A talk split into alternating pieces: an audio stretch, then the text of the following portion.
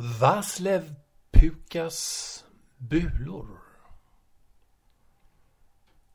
En bula. Vaslev Pukas stod framme vid tamburspegeln med sänkt huvud och fixerade den nyupptäckta kullen. De tankar som passerade genom detta huvud var sällan grumlade av tungsinne eller onda aningar. Ytterst få händelser kunde få huvudets ägare, Vaslev Pukas, ur fattningen. Men nu var det alltså ett faktum. Inte så att ägaren bekymrade sig för de sjukliga konsekvenserna av en bula eller till och med två bulor. Nej, de onda aningarna gällde mer sådana saker som anseende och utseende. Vaslev var mån om dem båda två. Bulor i huvudet var ett illavarslande tecken. Hade han kanske ätit något ohälsosamt? En förgiftad banan? En oskalad kokosnöt? Nej. Hade han gått i sömnen och ramlat ut genom fönstret? Nej, ty i så fall borde han, resonerade Vaslev skarpsinnigt, utan tvivel ha vaknat. Bulorna var ett mysterium. Vaslev kammade omsorgsfullt sitt alltmer uttunnade hår, numera format likt en söderhavskorall runt den centrala geografin och slog över några droppar parfymerat hårvatten. Manligt hårvatten vill han gärna understryka. Pepsos mörkt maskulina doft, nyttjat av Wilhelm den andre, stod det uttryckligen på flaskan. Vår huvudperson hade köpt hårvattnet till nettopris av tulltjänsteman Hadar Bonek som blivit nästan förmögen på sin sidoverksamhet. Åtminstone i form av naturavaror.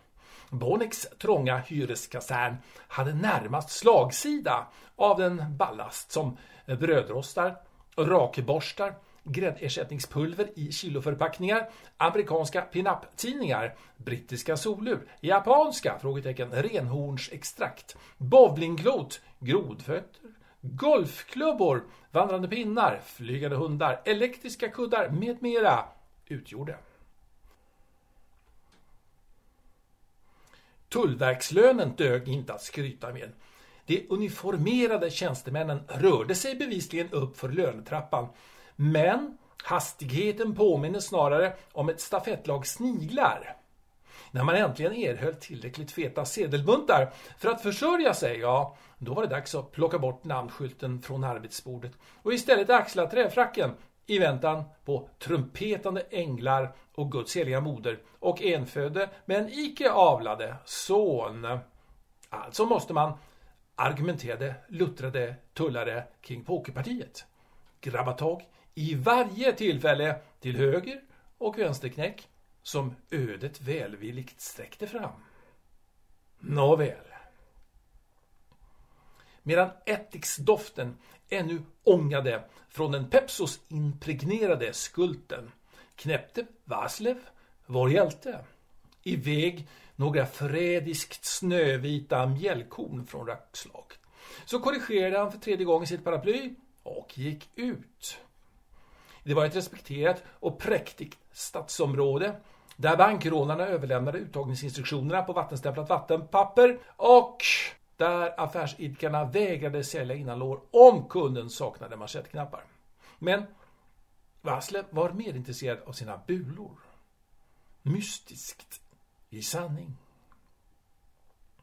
Fortfarande kunde dock Vassle i en elegant koordinerad rörelse lyfta sin filthatt av märket Seeschilling Gesellschaft und Gemeinschaft Wien.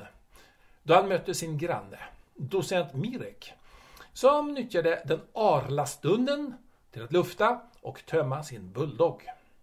Höll för övrigt inte hunden på att ömsa päls? Undrade Vaslev, som föreställer sig vita vinterdoggar och bruna sommardito. Inom parentes, Zoologi har aldrig varit ett av hans starka ämnen. Djuret började märkligt nog morra och gläfsa åt den artige hattlyftaren. Även docent Mirek tycktes ogilla det spontana mötet. Hans blick tycktes helt absorberad av ett flygplan någonstans i skyn. Hatten tycktes ha lyfts förgäves. Nå, så är det ju här i världen. Inte ens Pukas hyresvärd tycktes lägga märke till sin eminente gäst. Brevbäraren struntade i att överlämna viktiga beställda handlingar i tid. Frisören knep fullständigt käft. Och järnhandlaren expedierade andra kunder före varslet. Även om han rättmätigt stod på tur. Vad hade han, herr Pukas, gjort för ont? Hade han vägrat att betala en ask nubb? A 4,75 snott? Nej. Hade han förolämpat frisören genom att påtala dennes oerhörda näsa? Nej. Hade han satt krokben för brevbäraren och häcklat honom därför att han inte var partimedlem?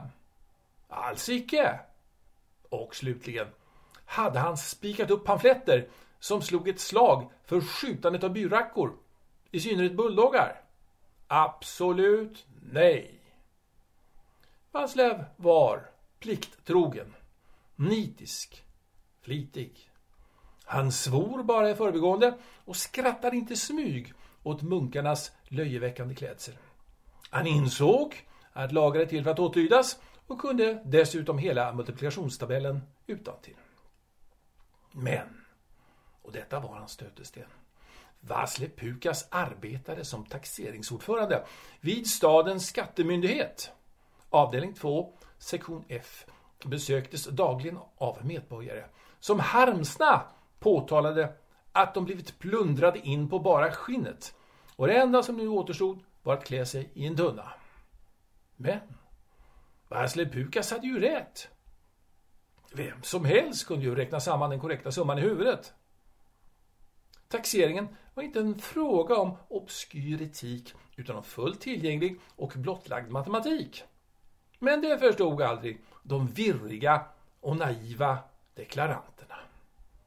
Alltså fortsatte skådespeleriet på avdelning 2, sektion F, år efter år. Rutinen var följande.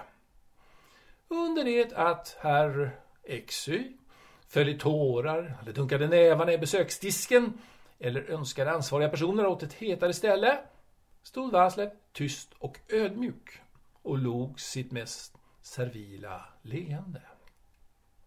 Därefter replikerade vår hjälte likt Gratz biskop som ständigt rabblade latinska termer i sömnen. Vår bedömning av ärendet är riktig. Paus. Och kom ihåg, med ert bidrag hjälper ni till att bygga skolor, sjukhus, vägar och fabriker. Hjälper därtill att upprätthålla lag och ordning och ger också ett bidrag till er egen ålderdomstrygghet. Slutligen stadgar ni vårt socialistiska samhälles grundvalar för kommande generationers medborgare.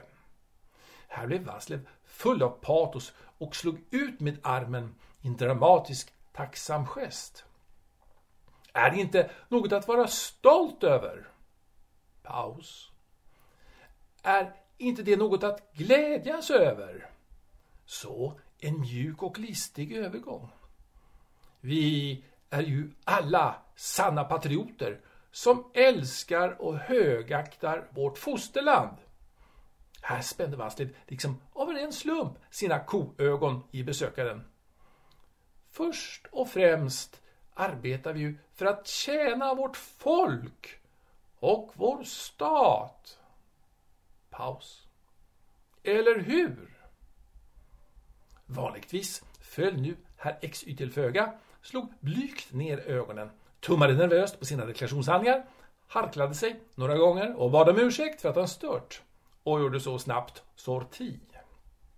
När segern vunnits brukade Vasslev kliva ut från sitt kontor, nicka menande åt en dörr som besökaren nu försvunnit genom. vända sig åt sitt auditorium, arbetskamraterna, och i all blygsamhet förkunna Japp, så har vi återigen räddat viktigt kapital åt staten och partiet. Kollegorna let att uttrycka sin stora beundran för Vaslev med några Bravo-rop eller ”Över staten!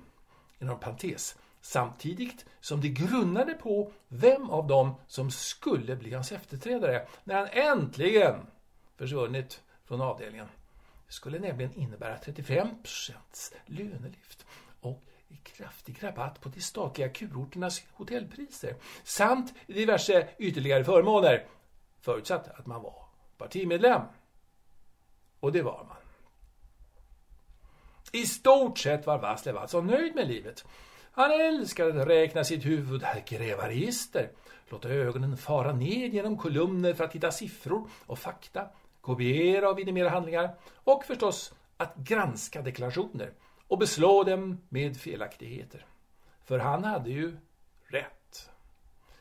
Det var egentligen bara det där med bulorna. Kanske det är geniknölar, undrade Vasslev, dock utan medvetet högmod. Biblioteket borde kunna ge svar. Vår hjälte slår i Ernst Kretschmers verk Geniala människor och hittar följande passus. Många genier ingår icke äktenskap, har icke barn och är utrustade med svaga drifter. Vaslev nickade gillande. Vid uppkomsten av ett geni finner vi ett sammanträffande mellan hög begåvning och vissa psykopatologiska komponenter. Vaslev och bläddra vidare till bildappendixet. Bland i samling eh, fem eh, realister och humorister tycker sig vår hjälte skymta en bula i Luthers panna. Men eh, det kunde lika gärna vara en smutsfläck. I övrigt såg protestanten ut som en dum och tölpig bonddräng. Vasle blev mycket besviken. Men Nobelpristagarna då? Fram med en litteraturhistorisk översikt. Darrande av upphetsning viker Vaslev skyddsfolien åt sidan och blottar nu pasterna. Men nämnde P tycks oförstående till detta intrång i privatlivet och stirrar tillbaka på Vaslev. Utan knölar, men med massor av hår. Tysken Momsen såg ut som en gammal städkärring Vaslev brukade stöta på i trapphuset André Gits panna var låg som hos en gorilla och Saint-Jean Percé, det enda huvudknöl var i ögonfallande vårta. Äcklad slår vår kunskapstörstande hjälte ihop boken. Tusan också. Nå, Vaslev kommer hem, hänger av sig överrocken, lägger hatten på hyllan, paraply till glykan och eh, ser sig i spegeln. Det borde han inte ha gjort. Han vacklar ut i köket, lutar sig mot kylskåpsdörren. Andas tungt. För upp handen mot pannan. Känner försiktigt på utpuckningarna. Bulor. De växer. I hans huvud. Och de är fler än i morse. Bulor. Nästa morgon befinner sig Vasle Pukas i en bokhandel där han gratisläser sig igenom en hyllmeter medicinsk litteratur. Pukas egen skarpsinniga slutsats är att han drabbats av hjärntumörer. Insikten får emellertid inte vår hjälte att bryta samman. Nej, han bekymrar sig mera över sitt utseende. Knölarna måste därför elimineras. Han läser. Citat. Cancersvulster kunna, om det upptäckas på ett tidigt stadium, behandlas medelst accelerator inom parentes så kallad strålkadon, slut på parentes, och då med stor sannolikhet regressera och försvinna. Emellertid om tumörerna i fråga utvecklats till helakartat studium är de möjligheter som återstår vanligtvis av operativ karaktär. Tack vare det fortlöpande energiska arbete som bedrivs inom den kirurgiska sektorn i vårt stolta frihets- och fredsälskande land kan för närvarande hela 17% av dessa operationer avlöpa till patientens fördel. Hur som helst, det villrådiga rekommenderas en statlig hälsoexamination på närmaste klinik, en kontroll som utföres till självkostnadspris. Vilket tog jämföras med de eländiga och skriande orättvisa förhållanden som råder i det kapitalistiska... Slut på citat. Vaslev hade läst tillräckligt. Det är absolut inget fel på er, herr Pukas, hade överläkaren belåtet skrockat, sedan snutit sig och torkat munnen med en gul näsduk. Huvudskålens form är vanligtvis något ojämn. Bulor har alltså helt naturliga förklaringar. Se bara här. Så hade den självgode läkaren tagit av sig sina tjocka trifokalslipade glasögon och likt en fällkniv böjt sig framåt och inför Vaslev fräckt exponerat sin egen svettiga svål.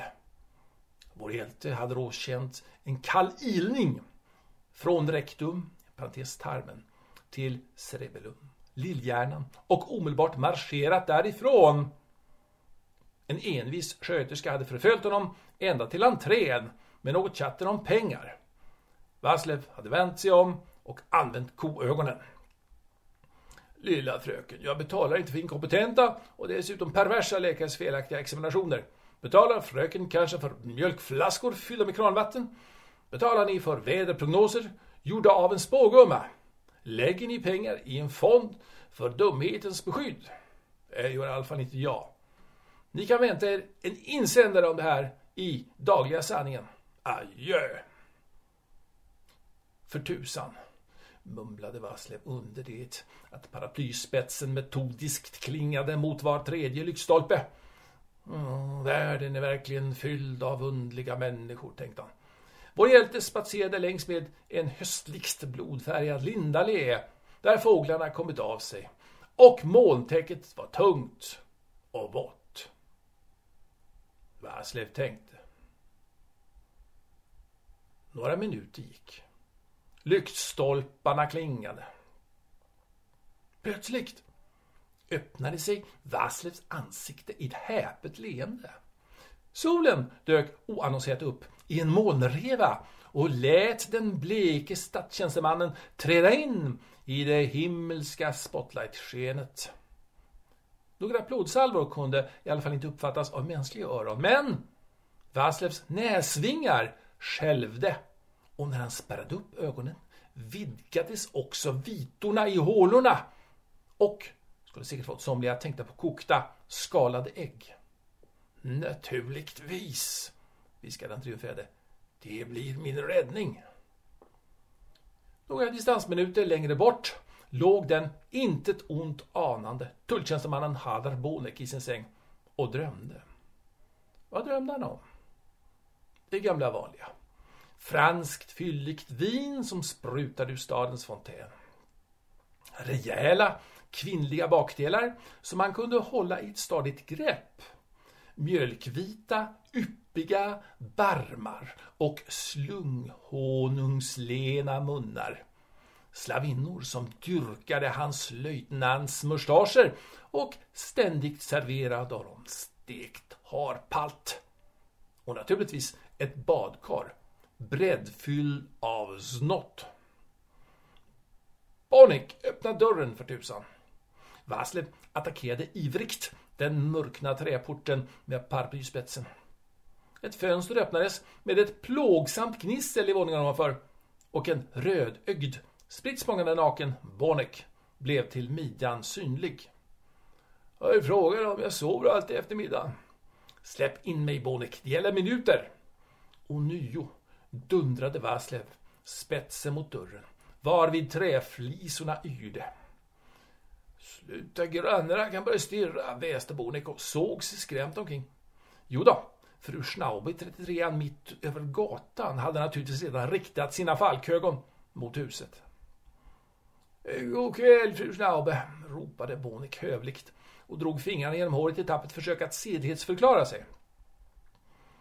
Ja, jag hoppas ni förstår, herr Bonik, vad som passar sig här i kvarteret. Vrålade fru Schnaube tillbaka, inom parentes, under det att hon nyfiket studerade Boniks håriga bringa.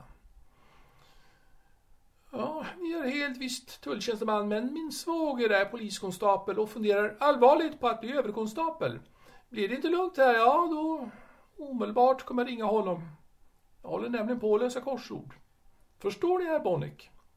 Vaslev ackompanjerade fru Schnaubus tillrättavisning med några hårda stötar mot porten. Tusan Bonnick, öppna!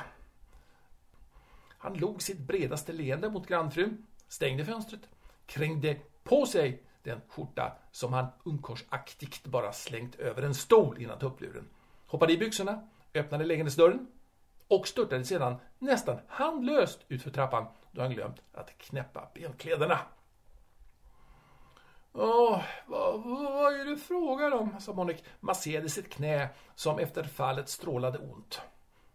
Han var dock alltför slug för att röja sina känslor innan han fått veta orsaken till besöket. Det gäller en hovlokal. Jag måste låna den utan dröjsmål. Värslev slog honom broderligt på axeln. Men tulltjänstemannen lät sig naturligtvis inte övertygas i första vändan. Van som han var vid smilfinkande smugglare som anslog hjärtliga tongångar i samband med visiteringen. Nej, sådana dunster gick han inte på. Här fanns, om inte en hund, så åtminstone en och annan glänsande snott begraven. Omöjligt, herr Pukas. Men eh, en eh, pilsner kan jag nog bjuda på. Bonneck slog sig ner vid det rangliga köksbordet och svepte undan ett par skrockande colombianska tandpaddor. Ännu osålda. Från serveringsytan. Två bägare med mustigt maltdoftande suröl kom på plats. Slå er ner här Pukas, eh, kanske vi ändå eh, kan diskutera saken. Av erfarenhet visste Bonnick att den som åtrådde en produkt eller en tjänst också var beredd att betala i enlighet med åtråns styrka. Vaslev satte sig. Men var inte den som var den. Han hade genast insett att Bonnick var ute efter att göra förtjänst. Och under det att han drack några klunkar av det svalkande Zybroölet insåg Vaslev att han måste ändra taktik. Nå, för en gammal vänskaps skull då. Fem snott om du hyr ut lokalen i afton. Femton, replikerade Bonnick automatiskt som en arabisk basarkrämare. Ja, det går ju åt ström också. Och då ingår istillägg. Jag menar, ja, ni har ju ingen verktygsvana mig veterligen, herr Pukas så ja, jag får räkna med att eh, något kan gå rakt åt fanders där nere. Vassle på sin surl samtidigt som han försökte hindra en närstående vinglig stapel skandinavisk konstfullt blåsta vaser att rasa. Äh, nej, åtta, och det är mitt sista bud, Bonneck. Men eh, tulltjänstemannen, som var väl medveten om bordsgrannens finansiella styrka i kraft av sin position, tyckte sig ana att här fanns mer snudd att locka fram.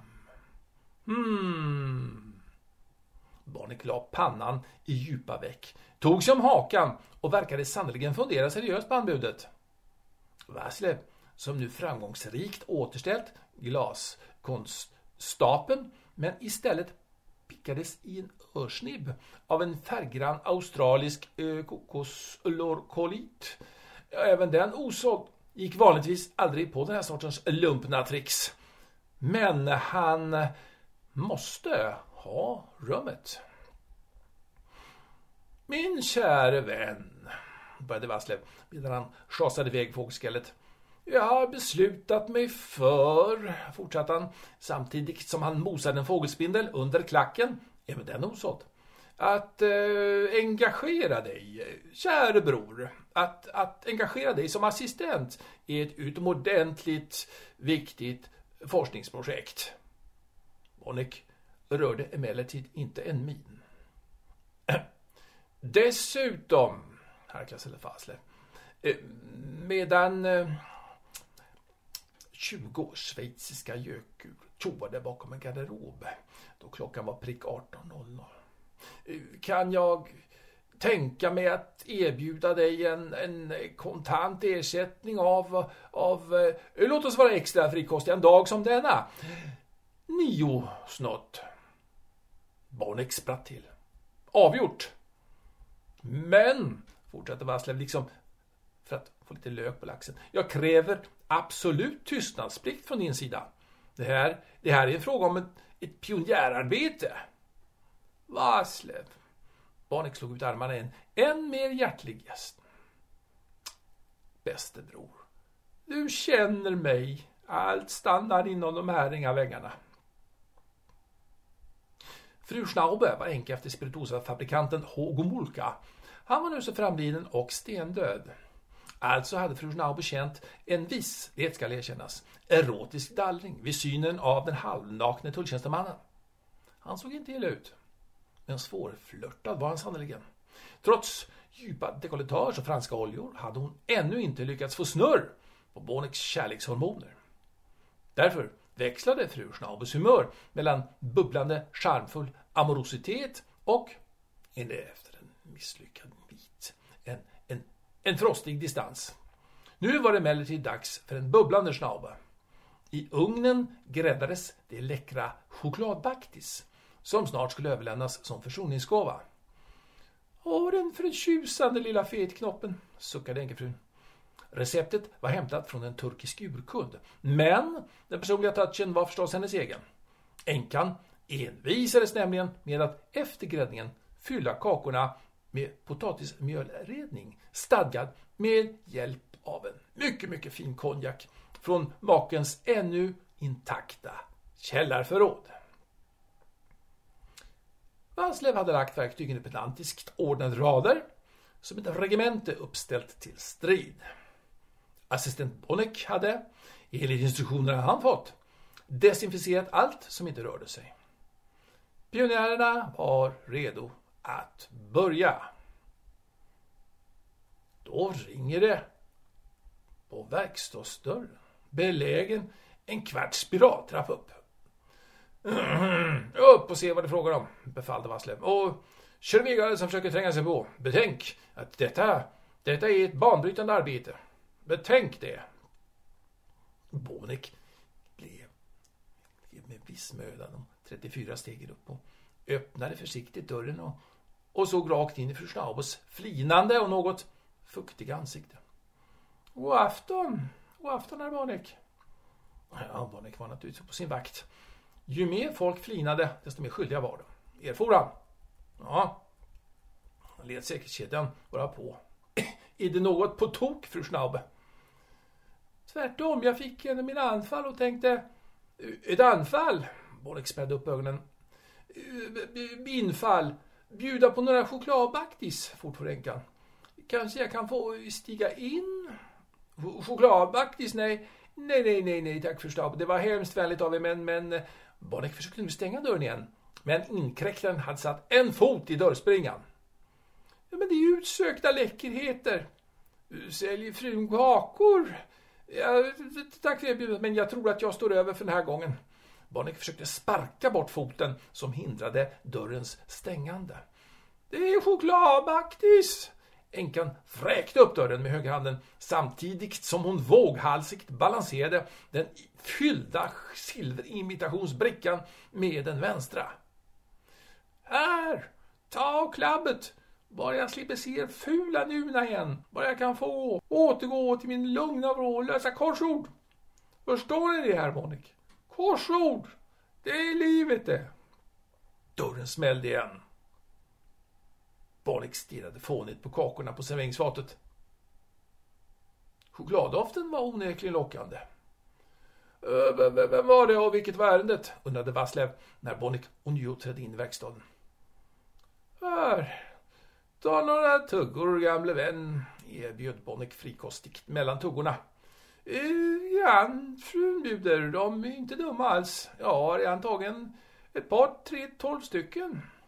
Eh, nej tack, Mjölets stora ansamlingar av kolhydrater hindrar allt effektivt tankarbete, argumenterade Asle. Ja, undantaget osyrat judiskt bröd och afrikanskt majsbröd. Ja, ja, jag krusar inte, bröt Tobonikin. Jag tar allihopa. Förresten, Vaslav, käre bror, vad, vad är det vi ska göra egentligen? Jag kommer att ge dig fortlöpande instruktioner, Bonnick. Allt du behöver göra är att lyda mig. Kom ihåg, Inga frågor. Jag vill alltså inte under några som helst omständigheter ha idiotiska, korkade, erbarmligt enfaldiga frågor. Förstått? Aj, aj, kapten, bekräftade Bonnick och gjorde honnör. Till hälften på skoj, till hälften som en betingad reflex. Vi får minnas att Bonnick tillhörde den lägre tjänstemannakåren, icke den del av tullarkåren som gav order till den andra delen av kåren, de uniformerade underhuggarna, i vilken Bonnick ingick. Några minuter senare skruvade alltså Bonnick fast Vaslevs skalle i städet och det med en häpnadsväckande fingerfärdighet. Borren var en nätt sak som tullaren brukade använda för de modellbåtar som han omsorgsfullt låtit bygga, inom parentes, enbart för nöjet att spränga dem i småbitar i samband med sjösättningen. En 7 mm Danzig-spets eh, i prima stål. Skallen var alltså monterad och Vaslev hade med pedagogisk nit ringat in och numrerat de eventuella härdarna med tuschpenna. Sätt igång, jag är redo, mumlade Vaslev från sin dubbelvikta position över en träpall. Bonnick började vissla en stump. Slog på strömmen och grep tag i borrspaken. Ja, han kände sig i fin form. Faktiskt bättre än på mycket länge. Borren trängde utan svårighet genom huvudskålen och öppnade ett fint hål in till hjärnan. Vasslev förde in en steril pipett. Ja, blodet såg friskt och rent ut. Alltså fanns där icke någon tumör, resonerade han. Pröva område nummer två och använd en större diameter, befallde pionjären myndigt. Och strax öppnar man ett nytt hål. En miss. Allt verkade även där vara i sin ordning. Proceduren upprepades. Hål följde på hål och Bonnick visslade den ena populära slagen efter den andra. Han kändes verkligen i toppform ikväll. Ja, snart liknade Vaslevs skalle ett högexploaterat oljefält. Men den händige tullaren upptäckte att man kunde fylla igen de misslyckade borrhålen med de små korkar han använde vid modellfartygsbyggandet. Slösa inte bort min tid, fräste Vasslev. Jag vill att du borrar ordentligt. Ta rejäla don, ta din största och assistent Bonnick som utväxlat lojalitet mot nio fräscha snott tvingades avrunda sin trivsamma korkipillning och stack istället in en dunderstor Danzig i borrgapet. I alla fall trodde han att han stack in den. Håll i hatten Vaslev, sluddrade assistenten. Nu fan ska vi borra. Borren drev upp en vacker vit kraniumremsa som rullade ihop sig som vore den av trä. Bonnick kikade ner i det kaffekoppsstora hålet. Känns det bra? Ja, det finns förmodligen något där inne. Eh, Snitta av den bara, sa Vaslev. Bonnick fiskade upp sin hobbysax, klippte några gånger i luften som en hurtig barberare och höjde sig över Vaslev. Men du, Vasslev, jag kan ta mig fan inte se något speciellt. Du ser ut som stångkorv där inne. Svulsten är där inne, hävdade pionjären tjurskalligt. Dra ut den i ljuset så går den lättare att snitta av. Och assistent Bonnick drog för parti och fosterland. Sannerligen. Ut kom förvisso något som liknade färsk tunn stångkorv. Ena korven efter den andra gled ut ur hålet. Meter efter meter. Hur går det? undrade Vasslever-Pallen. Ja, jag tycker det lättar. Vi lättar ankar mot oceanen, vi går, sjöng Bonnick, som var ett Ljungman i sin ungdom. Han tog spjärn med foten. Den slemindränkta leverfärgade, ibland beigefärgade substansen la sig i en elegant ring vid Bonnicks fötter. Som om elementär ankaruppdragning verkligen varit aktuell. Men så var det plötsligt. Tvärstopp. Du, det ser som om det är tvärstopp, sa följaktligen Bonnick. Dumheter, replikerade Vaslev vast. Ryck till bara. Jag känner mig redan lite i sinnet. Ryck till så att vi äntligen får den här irriterande saken ur världen. Tja, tja, kapten, sa den före detta jungmannen och gjorde honnör, dock något vinglig sådan. Efterskrift. När Harbonek gjort snotten till sina beslöt han att korven skulle vidfordras till enkefru Schnaube som tack för de utomordentligt livgivande kakorna. Alltså stoppar han ner de blodiga skinnpåsarna i en blå tink och styr kosan mot grannhuset. Inken placerades på första trappan. Efter att ha knackat tre gånger på Enkas dörr skyndar sig Bonek hem till sitt. Ja, korven ska bli en glad överraskning är det ju tänkt. Så sprids ett rykte att gumman Schnaube bjudit släkten på långkok och blivit gripen av sin egen svåger. Polisen misstänker överlagt mord. Men ja, något offer har man ännu inte kunnat upptäcka. Och Hadarbonek tiger som buren. Han hade nämligen, när han dagen efter äntligen vaknade upp, baksmälla, glömt hela episoden. Dessutom hade han sin försäljning av de beslagtagna men ännu osålda tullobjekten, i synnerhet de colombianska tandpaddorna, att tänka på. Vasle Pukas, han återvände nästa morgon punktligt till sitt arbete, precis som vanligt. Men, till skillnad från förr, var han äntligen befriad från sina bulor.